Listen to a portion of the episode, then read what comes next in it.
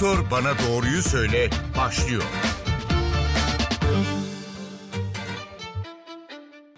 Merhaba NTV Radyo'da Doktor Bana Doğruyu Söyle başladı. Ben Zeynep Gülalp. 18 milyon öğrenci salgının gölgesinde ara tatile girdi. Vakaların yarısının İstanbul'da olduğu bir ortamda şehirler arası seyahatler de başladı. Peki ara tatil sonrası salgının seyri nasıl değişir? Çocuklar nasıl etkilenir soruları ve gündemdeki diğer önemli başlıkları bugün Bilim Kurulu üyesi Profesör Doktor Tevfik Özlü'ye soruyoruz. Hocam hoş geldiniz yayınımıza. Merhabalar Zeynep Hanım, teşekkürler. Bize sorularınızı siz de NTV Radyo'nun sosyal medya hesapları üzerinden ya da 0530 010 22 22 numaralı WhatsApp hattı üzerinden sorabilirsiniz. Hatırlatmasını da yapalım. Hocam biz yayına girmeden haftalık vaka sayıları açıklandı. Sağlık Bakanlığı verilerine göre 8-14 Ocak haftasında 100 binde COVID-19 vaka sayısı İstanbul'da 1571,46 oldu. İzmir'de 714,29, Ankara'da ise 629,65. Hafta sonu okul tatiliyle birlikte şehirler arası seyahatler de başladı. Özellikle İstanbul'daki vakaları göz önünde bulundurursak Anadolu'ya yansıması nasıl olur bunun ne söylersiniz? E, tabii tatil aslında insan hareketliliğini beraberinde getiriyor. İnsanlar tatili bekliyor. E, bu dönemde okullar tatil olunca anne babalar da kendi işlerini ona göre ayarlıyorlar ve genellikle büyük şehirlerden Anadolu'ya, küçük şehirlere e, bir e, hareket oluyor. Bu bazen turistik tesislerde e, vakit geçirmek amacıyla olabilir, kış turizmi olabilir. Bazen de eş dost akraba memleket ziyareti şeklinde olabilir.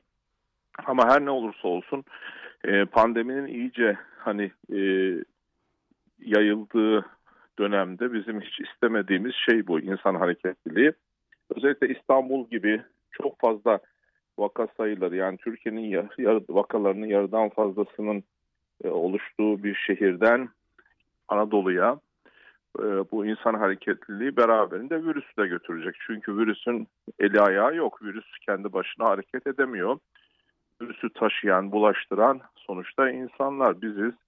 Dolayısıyla insanlar ziyarete gittikleri akrabalarını, yakınlarını, eş dost arkadaşlarını e, enfekte edecekler. Bunu tatil sonrası muhtemelen görüyor olacağız. Yani sadece İstanbul'da sınırlı kalmayacak. Diğer illerde de vaka sayılarında büyük bir artış trendi gelişmesi beklenen bir durum. Peki tatil dönüşü yani iki hafta sonra ne zaman e, vakalarda bir artış söz konusu olur? Yani bizi nasıl bir manzara bekliyor tatil dönüşü?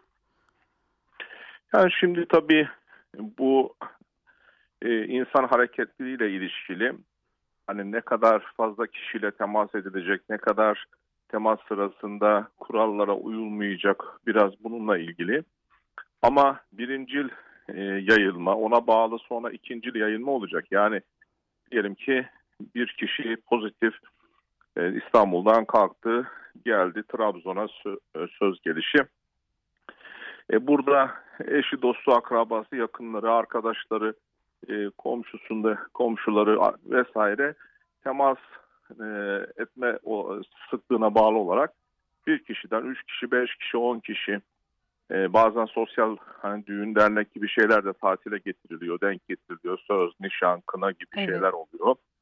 Böyle ortamlarda ya da taziye falan olursa çok daha fazla sayıda kişiyi enfekte edebilir ve bunlar birinci e, dalga. İkincisi bu pozitiflerden onlar kendi etrafına bulaştıracak derken hani kümülatif olarak bunun artışı nereden bakarsanız bakın e, şöyle 3-4 hafta içerisinde kendini gösterecek. Yani Şubat ayının ortaları gibi oluyor herhalde evet.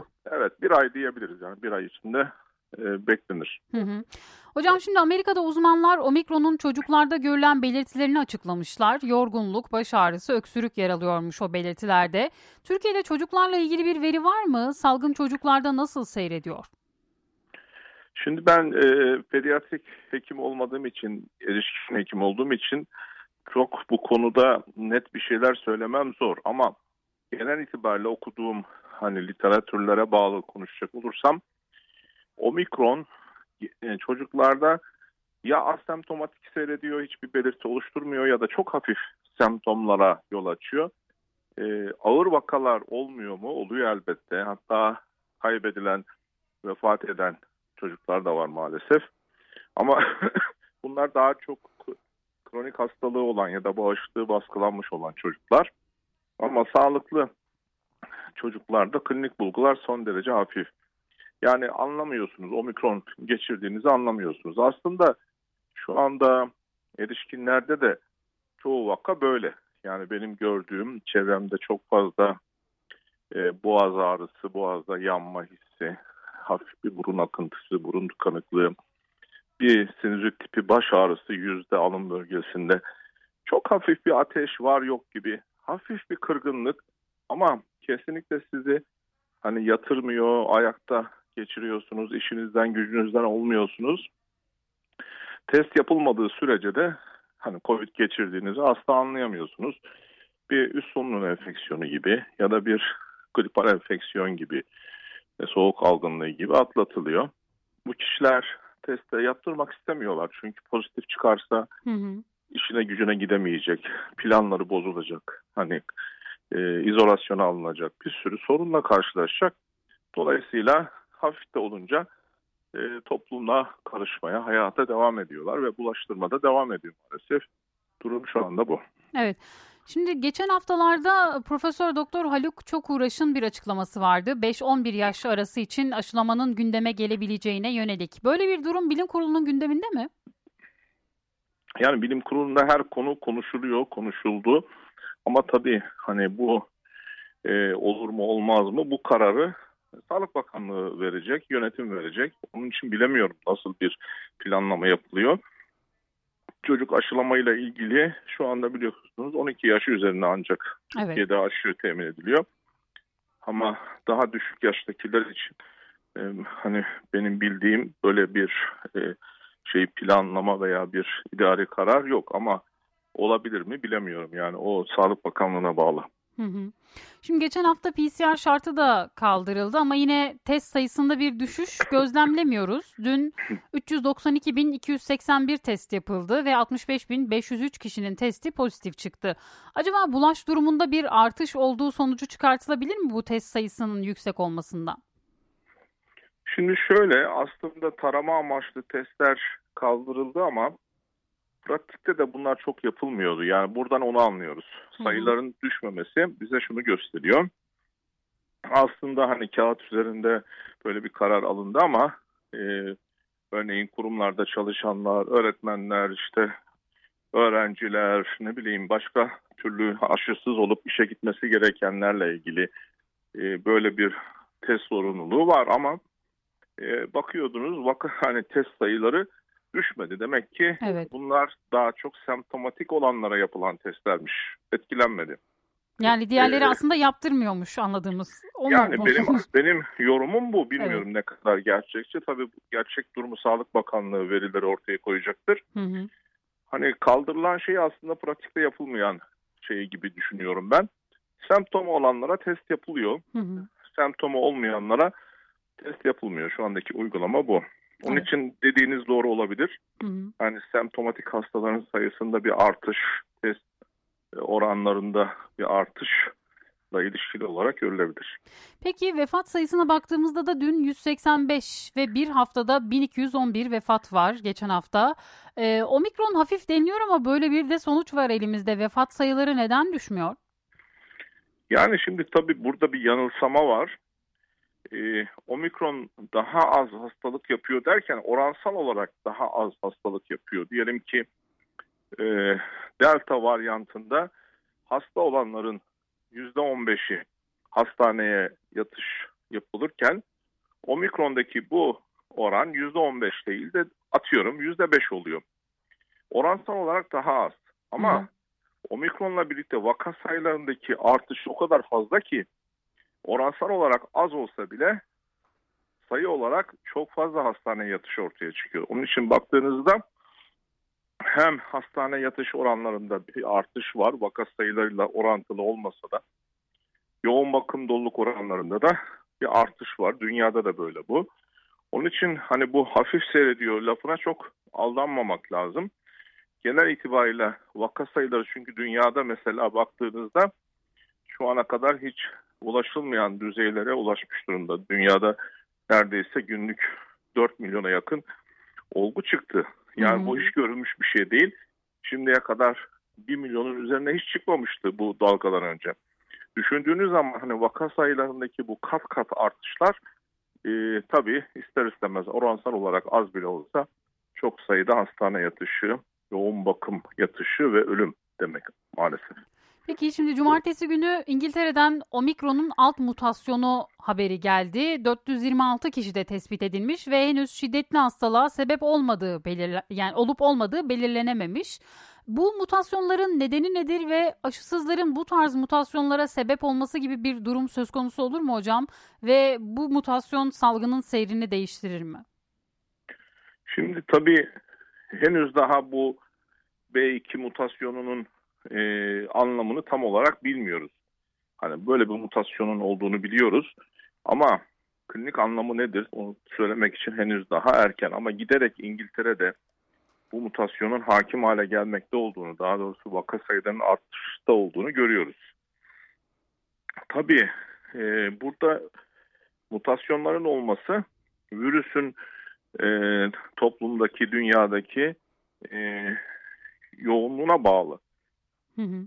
Eğer yeterince insan e, aşılanarak ya da hastalığı geçirerek bir şekilde bağışıklık geliştirmiş olsa virüsün hani yayılımı bu şekilde engellenebilse o zaman e, mutasyon oluşmaz. Mutasyon olma olasılığı düşer. Çünkü mutasyon hani bu virüs salınımı devam ettiği sürece olmaya devam edecek.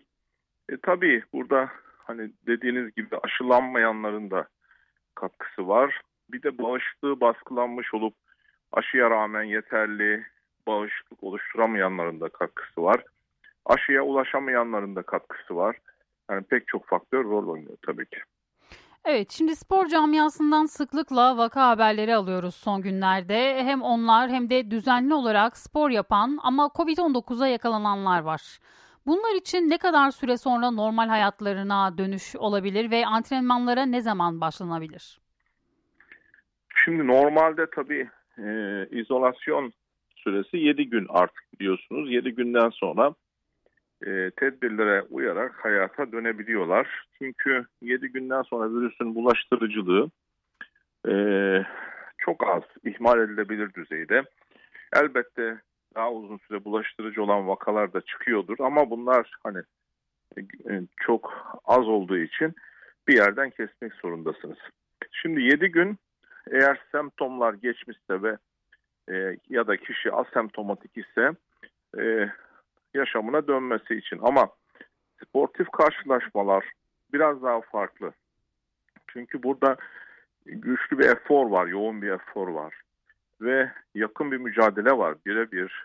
Hani antrenmanlarda da öyle sadece maçlarda da değil.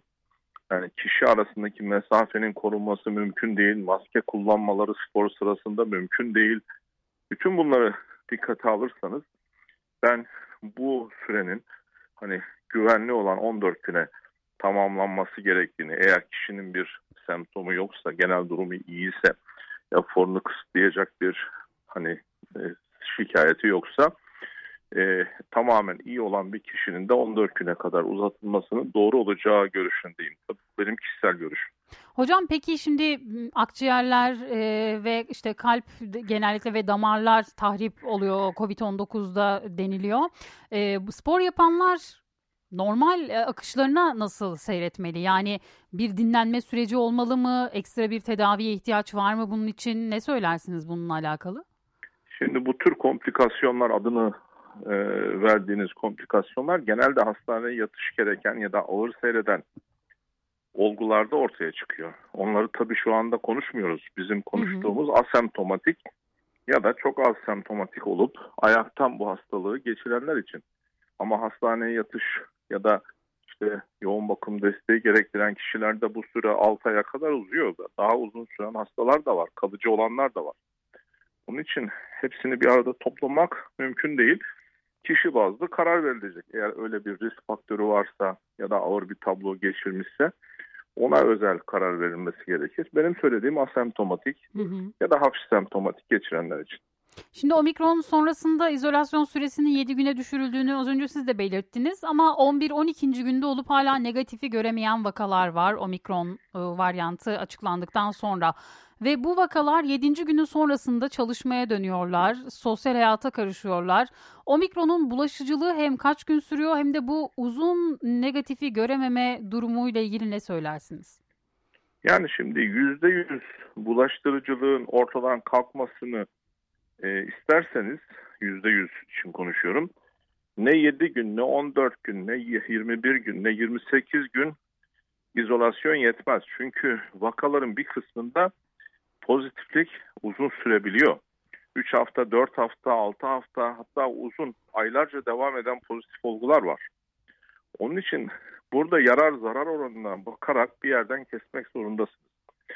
Yani belli bir riski göze alarak kabul edilebilir bir sınırdan kesiyorsunuz. Bu da 7 gün. Dünyada artık kabul edilen bu. 7 günün üzerinde de hala pozitif çıkan olgular olabilir. Ama şunu biliyoruz ki asıl bulaştırıcılık e, bu e, semptomların başlamasından aşağı yukarı bir gün iki gün önce başlıyor ve semptomların yoğun olduğu ilk 4-5 gün içerisinde ortaya çıkıp sonra azalıyor.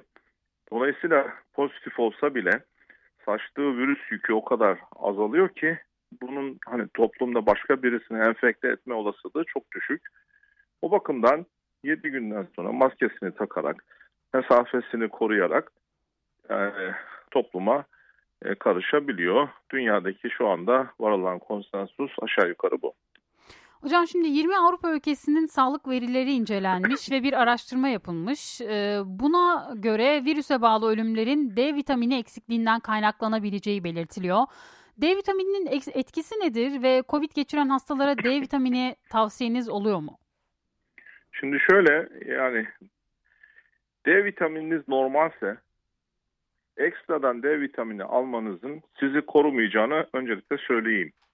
Ama Türkiye'de D vitamin düzeyleri gerçekten çok düşük. Güneş gören bir ülke olmamıza rağmen maalesef bu güneşten yeterince hani yararlanamıyoruz. O bakımdan e, doğrudur. Ben hani genel itibariyle baktığımda e, hastalarımda gözlemlediğim D vitamini eksikliği büyük oranda mevcut. D vitamini de bağışıklık sistemimiz açısından çok önemli bir vitamin. Onun için e, tabii hasta olunca D vitamini vermek iyi bir çözüm değil. Yani esas olan şey hasta olmadan bu D vitamini eksikliğini ortadan kaldırmak, normal düzeylere getirmek en güzeli bu. Ama tabii eğer hasta olduğunda da D vitamini düzeyleri düşükse D vitamini verilebilir. Peki son olarak şunu da soralım. Ee, COVID... Ama D vitamini evet. COVID'in ilacı değildir. Evet. Yani o D vitamini eksikliğini gidermek için kullanılan bir destek tedavisidir. Bunu böyle bilmek lazım. Bir de aspirin kullanımı var hocam. Bugünlerde yine sık sık kullanılıyor. Yine pandeminin başında bir artış olmuştu aspirinde. Bu ara yine aynı konu konuşuluyor. Aspirinin etkisi ve yanlış kullanımı da aslında zararlı olabilecek bir şey. Bununla alakalı ne söylersiniz? Aspirinin COVID e, hastalığıyla ilgili olumlu bir etkisine dair bir kanıt yok. Yani biz ağır hastalarda, hastaneye yatan olgularda, yoğun bakımda tedavi gören olgularda kan sulandırıcı diye halk arasında kullanılan antikoagülan ilaçları kullanıyoruz. Ama bunlar enjektabl olarak kullanılan ilaçlar, heparin türü ilaçlar.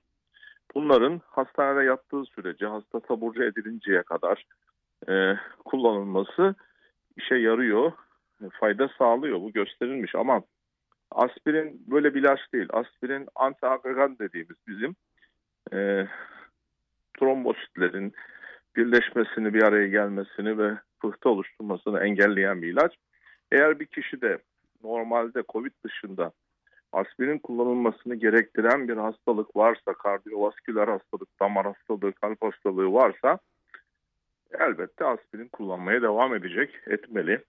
Ama böyle bir risk durumu yok ayaktan hasta, asemptomatik hasta, hafif hasta, COVID hastası diye bahsediyorum. Ve aspirin kullanmasını gerektirecek bir başka hastalığı da yoksa aspirin alması COVID için önerilmiyor. Peki son olarak şunu da soralım. Covid sonrası dönemde kendimize nasıl bakmalıyız? Covid geçiren hastalara bu noktada nasıl tavsiyeleriniz olur? İstirahat, izolasyon, bol sıvı almalarını tavsiye ediyorum. Yeterli kaliteli uyku uyumalarını tavsiye ediyorum. Dengeli, sağlıklı beslenmelerini tavsiye ediyorum. Ve hareket halinde olmalarını yani yorulmadan ev içinde de hareketli olmalarını tavsiye ediyorum. Bunlar genel itibariyle hani bütün e, enfeksiyöz hastalıklarda e, yapılan öneriler. O sıvı almalarında da yarar var. Hareketli olmalarında da yarar var. Özellikle trombüslerin, pıhtıların oluşmasını engellemek açısından. Hocam çok teşekkür ediyoruz yayınımıza katıldığınız ve sorularımızı yanıtladığınız için. Ben teşekkür ederim. İyi yayınlar. Sağ olun. Bu hafta Doktor Bana Doğruyu Söyledi Bilim Kurulu üyesi Tevfik Özlü'ye sorularımızı yönelttik. Haftaya yine aynı saatte buluşmak dileğiyle. Hoşçakalın.